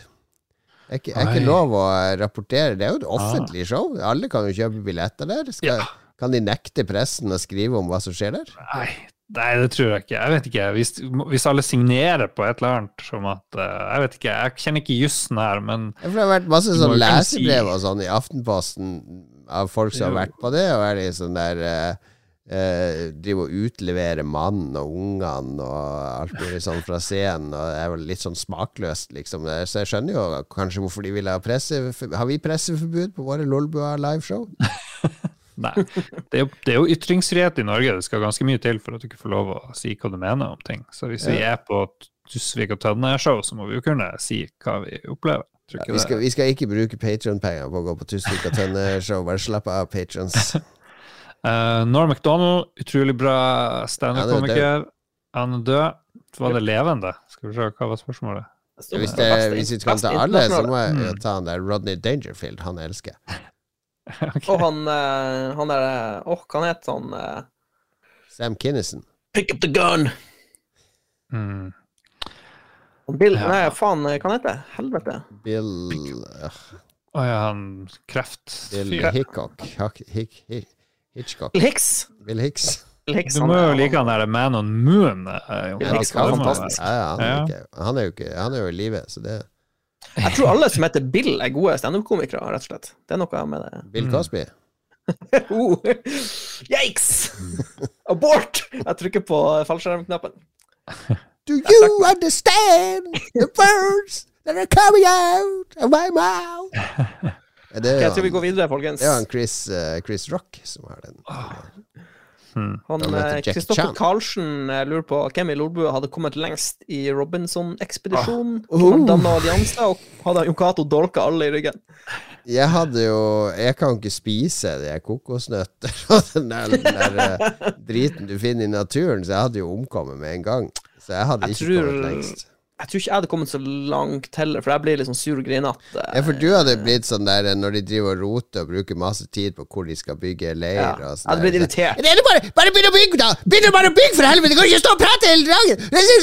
Du hadde blitt sånn der, så begynt å kjefte og smelle, og da blir hadde du stemt, stemt ut. ut. Ja, med en gang. Lars tror jeg har kommet langt. Han hadde surfa Mm. gjennom det på sin der uh, naive, gutteaktige skjerm og bare uh, Jeg håper uh, uh, Så lurer litt Lars sånn langbein Lars hadde vunnet hele greia. Jeg hadde ikke vunnet. Nei, nei, nei. Vi må få han Lars inn i noe reality. Ja. Hmm. 71 grader nord. Jeg tror det 81. Jeg gått dårlig. Jeg er altfor snill. Jeg er altfor snill for sånn her reality. Ja. Mm, mm, mm. Lars kommer lengst. Eh, Jon Cato leser opp eh, Frode Oppsal sitt spørsmål. Jeg vet jo vi er det. Du har jo ikke copy-pasta noe inn her. Si noe jævla morsomt om vold i parforhold, sier Frode Oppsal. Ja, men Det det her er jo til han der Ja, det er standup-komikeren ja, vi skulle ha som Ja. gjest. Ok, men det her er viktig. Stian A. Skjerven. Hvis du blir singel som 35 år gammel trebarnsfar, kan man forvente å få pult noe særlig? spør han for seg Jeg tenker hvis du er pen, så er alt mulig. Hvis man får Hvis, hvis, du er ser bra ut, hvis, hvis du ser bra ut, så, er, så har det ikke noe å si hvilken eh, status du har. Det har Mm. null å si. Du er attraktiv, du får det. Det hjelper å ha masse penger. Regel én, vær attraktiv. Ja, regel to ha masse penger. Jeg vet ikke, jeg tror penger, masse penger er viktigere enn å se pen ut. Nei, tror ikke jeg. det, Regel én ja. er viktigst. Han, eh, Stian har ingen problemer med å pen, og ser ut som han er loaded, spør du meg. Så det her går bra. Det går å ordne seg, Stian. Det er bare å chill X. Ok, da er vi ferdig med den biten der, og så er det neste, som er gul, Jon Cato, hvis du driver og surrer på og trenger hjelp. Jeg, finner ingenting. Se på den gul farge. Sett gul Fargesystem. Jeg kan, Eh, jeg kan begynne. ja. Per Søvik eh, sier at survival på ekte, i parentes, er trendy for tida. Hvilke tiltak har vi gjort for å være forberedt på det verste? Mm. Jeg kan innrømme eller bidra med at hun, eh, min kjæreste har kjøpt to nilitersdunker vann. Oh, Eller nilitersdunker som er tom. Vi har ikke gidda å fylle dem med vann ennå. Men dere har dem. Vi har dem. Man skal jo rengjøre dem. dunk igjen, eller hva det heter? Nei, det er bare Det er sånn vanlig jula. plast. Ja, kanskje. Den er hvit med svart kark, eller noe sånt. OK, ja, denne har blåkork. Ja. Ja. Jeg har også noen dunker, jeg må bare fylle dem. Ja. Så ditto. Ditto er svaret her. uh, men man skal Men- jo ha noe sånn eddik, eller hva er- man skal liksom rengjøre dem med et eller annet uh, først. Det går, det går fint. Det går fint. Det er jo bare vann. Det er bare vann. Hvor farlig kan det være? Helt enig. Um, mm, mm. Rebekka Mø, uh, hvilke tiltak må til for å få Lem, kjæresten hennes, uh, mer interessert i valpen? Ja um, Det er bare å true med å gå fra han, så går det der helt fint. Litt sånn uh, All in. Litt sånn emosjonell blackmail, Ja. rett og slett. Ja. Gato har fremdeles ikke funnet Nei, jeg er jo ikke ferdig Han, snart. Trond sin Fol Borgersen eh, spør hvor mange abonnementtjenester trenger vi, og hvor mye koster det oss hver måned. Vet du hva, Det vil jeg helst ikke vite, for jeg har så mye forskjellig dritt. Er streamingtjenester og datatjenester og Nei, vet du hva. Det fysj. Vi Ja. trenger ingen, vi trenger ingen, og det koster oss eh, for mye, er vel svaret. Sånn egentlig. Mm. Jo, Cato, du er jo som FOMO-mesteren. Du har sikkert alle streametjenester. Nei, jeg har uh, stream.no. Der har jeg en sånn der uh, pakke med, med alt bortsett fra sport, Premier League. Hvordan er du fornøyd med stream? Er det bra? Ja, det er bra, det. Får Ja. tilgang til alt. Jeg tror jeg må hive meg rundt der. Jeg får Viaplay og Paramount Ja, jeg og du Showtime sammen- og TV2 og Når du legger HBO. sammen alt du får der, så er det vel en veldig stor uh, Ja, du får nett det inn. meste. Det eneste jeg må ha utenom, er liksom Amazon, Disney og Netflix. Og Netflix er det bare drit på nå. Så den, eh, den vurderer jeg seriøst å droppe. Uh, Amazon er også sjelden brukt, men det er denne hender det dukker opp noe gull der. Og Disney, der er Andor ferdig, så jeg trenger jo egentlig ikke den heller. Du har nesten alt, men du må mangle bare tre enormt svære strømmetjenester. Jeg har jo Da har du ikke på nær sagt alt. Jo, jeg har hva er det jeg ikke har. Ja, for jeg har det du har nevnt, og så har jeg iTunes. I stream så har jeg jo HBO og, og en haug med andre. jo, men du sa alt var i stream. Det var jo ikke det. Du må jo ha Disney og Amazon og Ja, Netflix. Disney, Amazon og Netflix mangler. Du må jo ikke ha noe av iTunes. de. eller iTV, eller hva Ja. TV, Apple TV, jeg vet da faen hva det heter. Hmm. Ja. Ja, Apple TV. Nei, Det det er så mange. Men det er altså hvis uh, Jeg vet ikke, det er så mange ja, Det blir så mye strømmetjeneste. Altså, hvis alternativet hadde vært å betale 20 kroner per episode, hadde det vært bedre? Nei, det hadde ikke det. Så eh, slutt å klage på at det er abonnement. Altså, du får jo ganske tilgang til ganske mye for et abonnement. Ja, men 20 kroner hver, hver episode hadde det aldri kosta. Det hadde vært altfor dyrt. Ok, men 10, eh, 10 kroner per episode. da. Da er det 100, 100 kroner for å se Andor.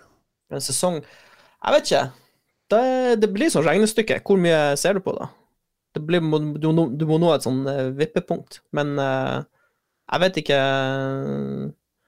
Det lønner seg ikke for noen, den modellen der med å drive og betale for enkelte. Nei, altså, jeg, jeg må innrømme at jeg syns det er veldig behagelig å abonnere på masse tjenester, og så bare ha alt tilgjengelig. Det er sykt behagelig. Eh, Jeg skulle bare ønske at flere la seg på den der eh, 49-59 kroners greia.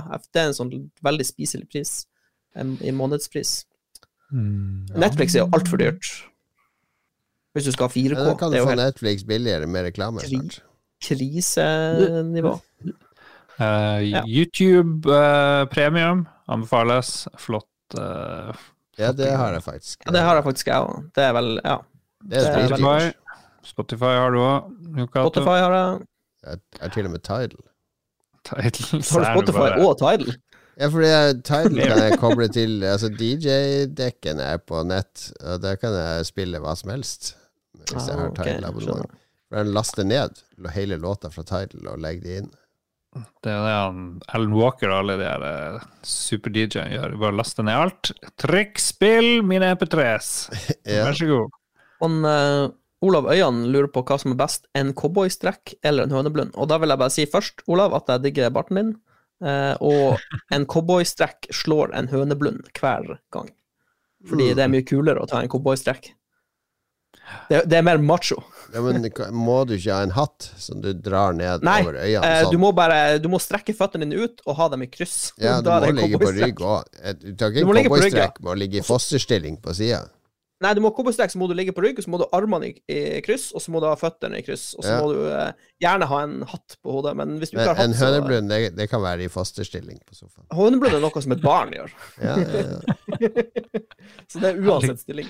For noen regler. Ekte menn tar cowboystrekk, eh, Olav. Ja vel.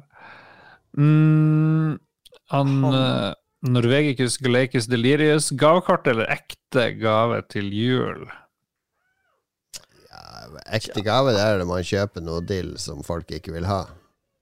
Ja, men gavekort, Tenk hvor mange gavekort som bare ikke er, Det blir er jo- brukt. Det er jo så jævlig bra businessmodell. Tenk hvor Ja. mye penger de tjener på gavekortene som ikke løses inn. La oss selge gavekort. Lolbuas gavekort. En ekte gave er et, et, et, eh, digitalt spill på Steam. Er det en ekte gave?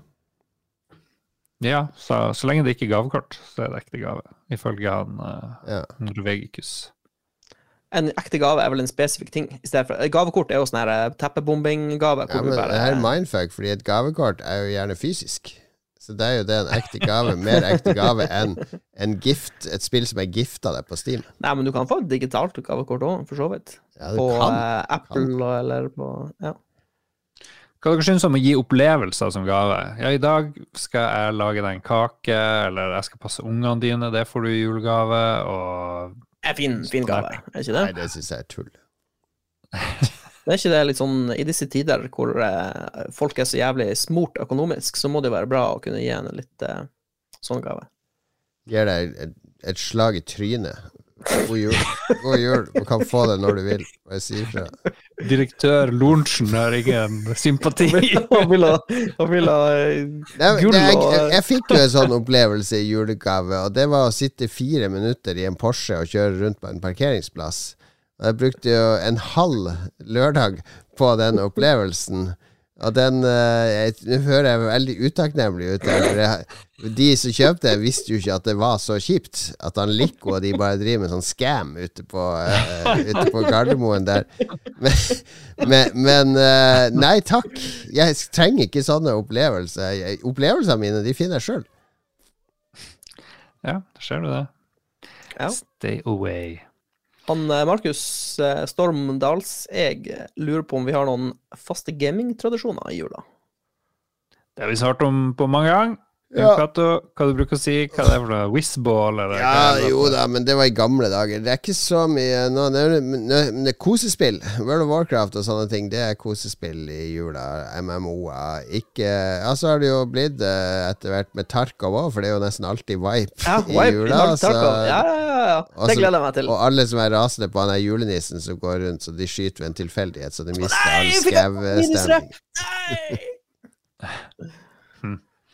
Hva blir årets julespill? Lurer jeg på. Jeg har lyst til å spille det der uh, God of War i jula.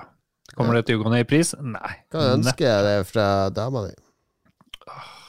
Må bare ta ut et lite forbrukslån for å få lov til det. Vet du hva hun uh, sa hva hun ønska seg her i julegave? Hun sa jeg har lyst til at du skal lage meg noe. Og jeg trodde hun kjente meg bedre enn som så. Jeg kan jo ikke lage noe. Okay, jeg skal lage noe? Du kan lage, du kan lage en krakk. En liten krakk. Det blir jo helt useless krakk. Du, du kan kjøpe sånn der uh, På kondomeriet og ta sånn avstøpning av penisen din. Ah, Nå snakker vi. Altså få det i sjokolade. Ja, det blir jo en enorm sjokolade. Det 3000 kalorier. Ja, ja, ja. Det var kanskje litt lite. Det var en liten, en liten sak. 3000 kalorier, det får holde. Det kan du lage. Du klarer jo å lage et eller annet, gjør du ikke godt det? forslag. Hvor mye kalorier er en load? Du driver og tegner, gjør du ikke det? Uh, Ja, med hun uh, Ja. ungen. Lag, en eh, ja. lag et portrett av av dama di, så du rammer inn. Så kommer du aldri til å be dem om å lage noe igjen. Jeg kan se om jeg finner tegning 60 ganger 80 cm portrett. Ja, Vi tegna jo penisene våre en gang. Kanskje jeg Ja, skal kanskje finne dem og ramme inn. det kan du få. Hmm. Kristoffer Karlsen lurer på om vi har gjort oss noen tanker om Rokos basilisk. Jeg må google, for det vet jeg ikke hva jeg er. Ja, men da er jo svaret nei. Vi har jo ikke gjort oss noen tanker om det. Jeg tenkte at det var Rocco, han der porno-Rocco, men det er jo sikkert ikke det. Eh, Eksperiment. Det er altfor Det er et mye å lese. Ja, det var veldig langt. Mm, mm, mm. Det er jo verre enn en uh, belgisk kunstfilm. Det her må vi studere. Det er vel det Elon Musk som drev og snakket om det her, at vi lever i en simulasjon. Å ja, Å det, ja, det. er det. Ok. Å, snapperoo.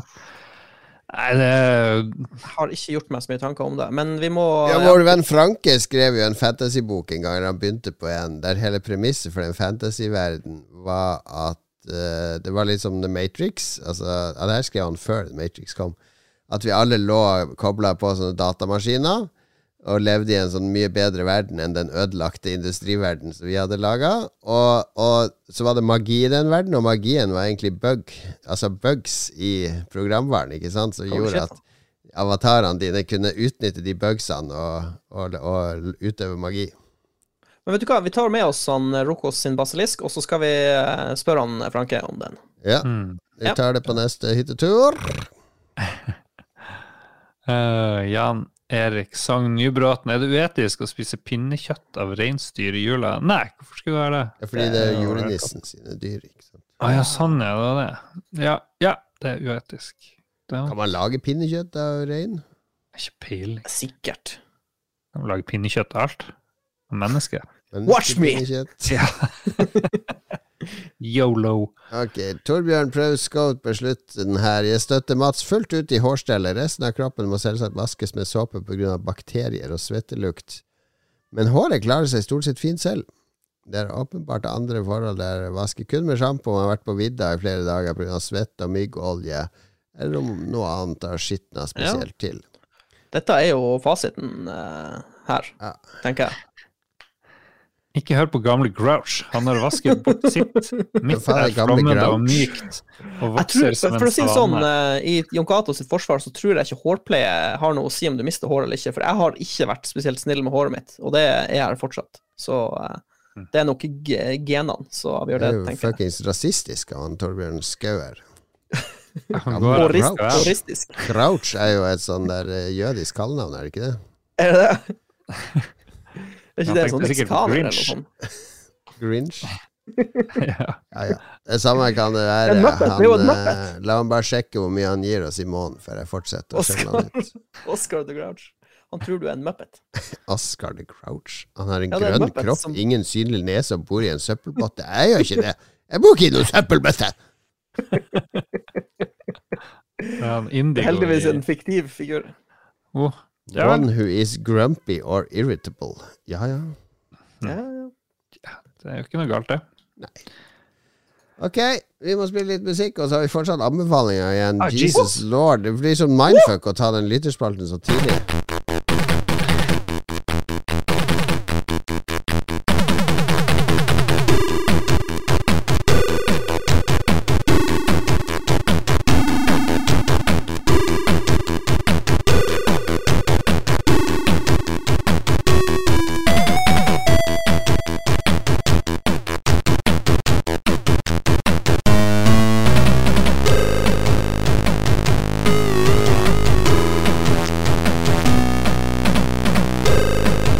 Musikk fra det gamle Signosis-spillet Awesome. Awesome. Oh, Det er kongespill. Det er romskip, sånn Det er i det landskapet, ja. Oh, det er. Awesome. Det jeg. Det spilte jeg på Amiga. På Amiga. Og den der ugla som fløy Nei, det var den Skal vi se hva Jeg tror det var et romskip. Vi kommer Ja. til det om en eh, 70, ja, 100, 120-130 episoder, tipper kan jeg. endelig bidra. 400 spill. Og som har husker enorm coverart. jeg husker det. Spillet spesielt godt, for det var vanskelig å eh, uttale tittelen korrekt. Hmm. Det var mye tolkning av awesome, for å si det sånn. Men vi skal ikke Hvor en awesome det spillet awesome er det? Nå skal det anbefales ting og tang. Har du lyst til å begynne, Lars? Anbefaling. Anbefaling. Hvis du skal måle noe, kjære lytter, så har du sikkert brukt en tomstokk, eller du har brukt et eh, målebånd, og så har du stått der og kuka og holdt på, og vanskelig blir det rett, blir det feil?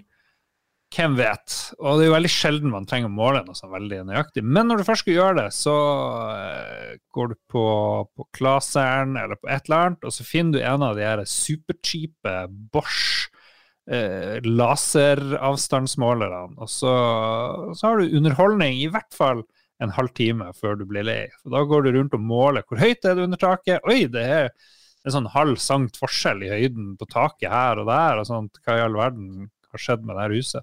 Så kan du måle det, det, du egentlig trengte fordi du skal kjøpe noe skap, kanskje to plasser, og så kommer du ikke til å gjøre det på 20 år. Men da har du kanskje liggende, hvis du husker hvor den er, en lasermåler som gjør livet utrolig mye enklere, og det er veldig gøy. Men du må holde den under øynene, for det er farlig.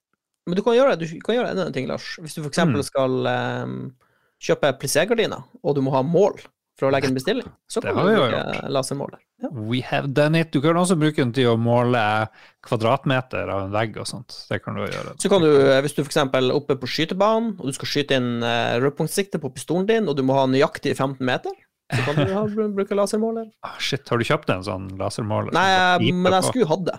Det er sånne ting jeg faktisk skulle hatt. Hmm.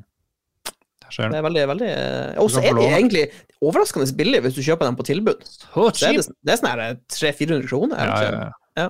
Det er ganske, ganske snop sak å ha. Plutselig trenger du den! Så jeg støtter den anbefalinga fra Lars. Mm. Mm, det finnes verre verktøy å kjøpe. Veldig praktisk anbefaling. Bedre enn Apropos praktisk anbefaling, så har jeg òg ei dette er, dette er ikke tilfeldig, men jeg har også en fysisk gjenstand som jeg vil anbefale.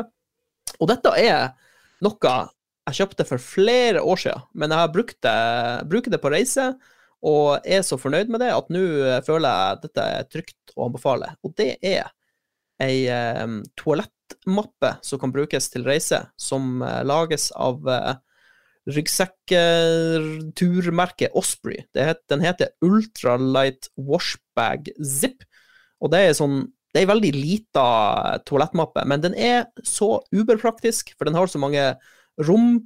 Eh, og så har den sånn perforering eh, på begge sidene. Så hvis du legger noe inni som er litt vått, så er det ingen fare, for det blir jo tørke, for det er lufting. Eh, og så er det et lite speil. Eh, og så er den veldig lett. Veldig liten og lett. Så eh, dette er ei toalettmappe jeg har eh, blitt veldig glad i. Mm.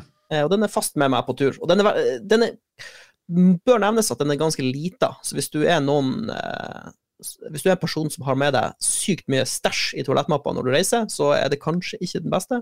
Men hvis du mhm. bare trenger eh, å ta med deg litt sånn kanskje kontaktlinse, deodorant, eh, tannbørste, hårting, så er det mer enn stort nok. Ultralight, er den sånn den, den, veier ingenting? Den veier ingenting! Den er lagd av noe sånn supertynt materiale. Den er, den er, så snop. Så eh, ja, mm. trygg, trygg anbefaling eh, hvis du har lyst på ei reisetoalettmappe. Hvor kommer det Osprey fra? Fordi eh, det, det, det, bare noen år siden så sånn begynte jeg å si at alle har sånn Osprey-ryggsekk plutselig. De, de, lager veldig bra turting, turstæsj. Så ja. Eh, ryggsekkene deres er veldig bra, i hvert fall. Jeg tror det er et fly som er en Osprey. Ja, det er jo en sånn fugl, er det egentlig. Ja. Mm. Eh, jeg vet ikke hvor de kom fra, men det holder tydeligvis til i USA, da. Men de lager, de lager bra stæsj. Og toalettmappa deres er veldig bra. Jeg, jeg, ser de har flere toalettmapper, men den jeg snakker om, er den som heter Ultralight Washbag Zip. Mm. Så ja, hvis du er de Osprey-flyene, det er jo de der eh, som kan både være De som krasjer hele tida. Ja, fly bort. det er jo livsfarlig fly. Ikke fly med. Hvis du noen gang får tilbud om å fly med en Osprey, så si nei takk. det er ikke et trygt uh, fartøy. Uh. Yes, jeg skal ha en klassisk anbefaling igjen, fordi nå har jeg fått på piggdekkene, og nå er det nede i minus fem i Oslo. Alle vet jo minus fem i Oslo, og det er som minus 15 ellers i landet. Det er ja. kaldt, men ja, det, kan jeg, det, kan jeg, skrive under på. Det er noe med den der Ja, ja, den Oslo-gryta er iskald, ikke sant. Den er det. Og nå, det er nå det er digg å sykle, for nå er det Har vi nå har vi rydda bort alle de der amatørsyklistene. De sommersyklistene i shorts og, og skjørt. Nå er det den harde kjernen igjen, som eh, surrer nedover med piggdekkene og tråkker på som en gal. Og det er noe med Nå sykla jeg til jobb i morges klokka før syv. Var ute av døra på sykkel med 20 lag klær. Og mine tjukke hansker og hals og lue under hjelmen osv. Og, så og det er noe med den derre iskalde lufta som pisker deg i fjeset når du tråkker suser nedover bakkene. Jeg er oppe i 50 km i timen ned uh, det, høres, det der høres kaldt ut. forbi Ekeberg. Du våkner! Du våkner på vei til jobb. Det er den beste, beste måten å starte dagen på. Altså Vintersykling er det jeg skal anbefale. Det er gøy. Jeg har uh, sjøl tatt ut sykkelen min når det er litt sånn kaldt, og det, så lenge underlaget er bra, at det ikke er sånn slaps og sånn, så er det, det, er faktisk det er noe ekstra deilig med det. Det er det. det, er det. Få en ekstra, ekstra liten giv, rett og slett. Jeg kom på da vi bodde i Oslo, jeg drev og sykla mye opp og ned til deg på, borte på den der uh, minihybelen din uh, i Hva det heter det der borte? Hvor du bodde? Skillebekk. Skillebekk. Hadde mammas kombisykkel med to gir. Ja. Skulle opp til Sognsvern med den på vinteren. Holy maloney! Da ble du opp Da fikk du hår på brystet. Ja, ja, ja. ja. 5000 kalorier på den turen opp der. Ja, fy fader. Minst. Ja. Hardcore.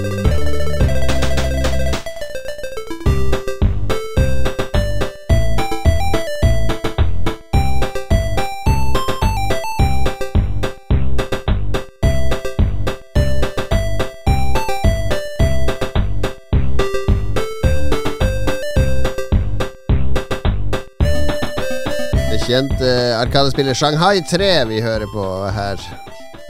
Ah, Shanghai 3 er også kjent som Children på. Ja, det er, ja, veldig sånn klisjéfylt uh, asiatisk musikk. Nice.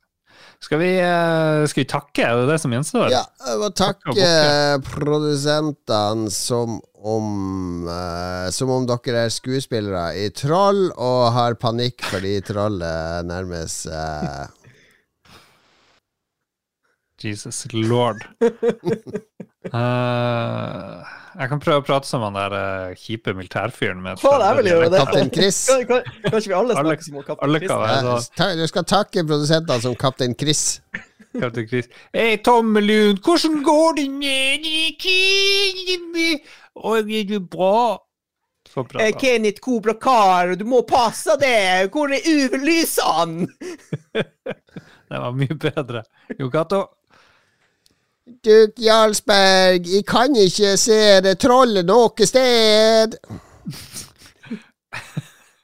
Gikk vi nedenfra eller opp, eller hvor er vi nå? Jeg visste helt uh, Vi er på Er det Bjuslo? Ja. Hei, Bjuslo. Hvor det går i der borte? Nå skal jeg opp og ned og komme til Finnmark, jævla sau. Du hater deg.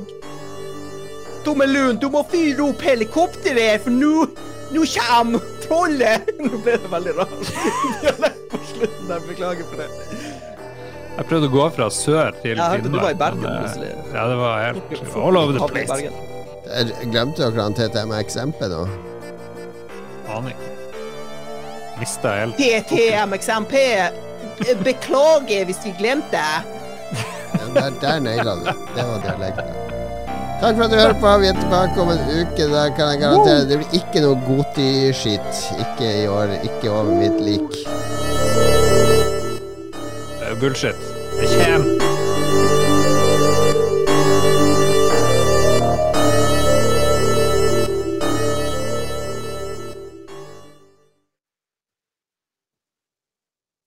Har du et enkeltpersonforetak eller en liten bedrift? Da er du sikkert lei av å høre meg snakke om hvor enkelt det er med kvitteringer og bilag i fiken, så vi eh, gir oss her, vi.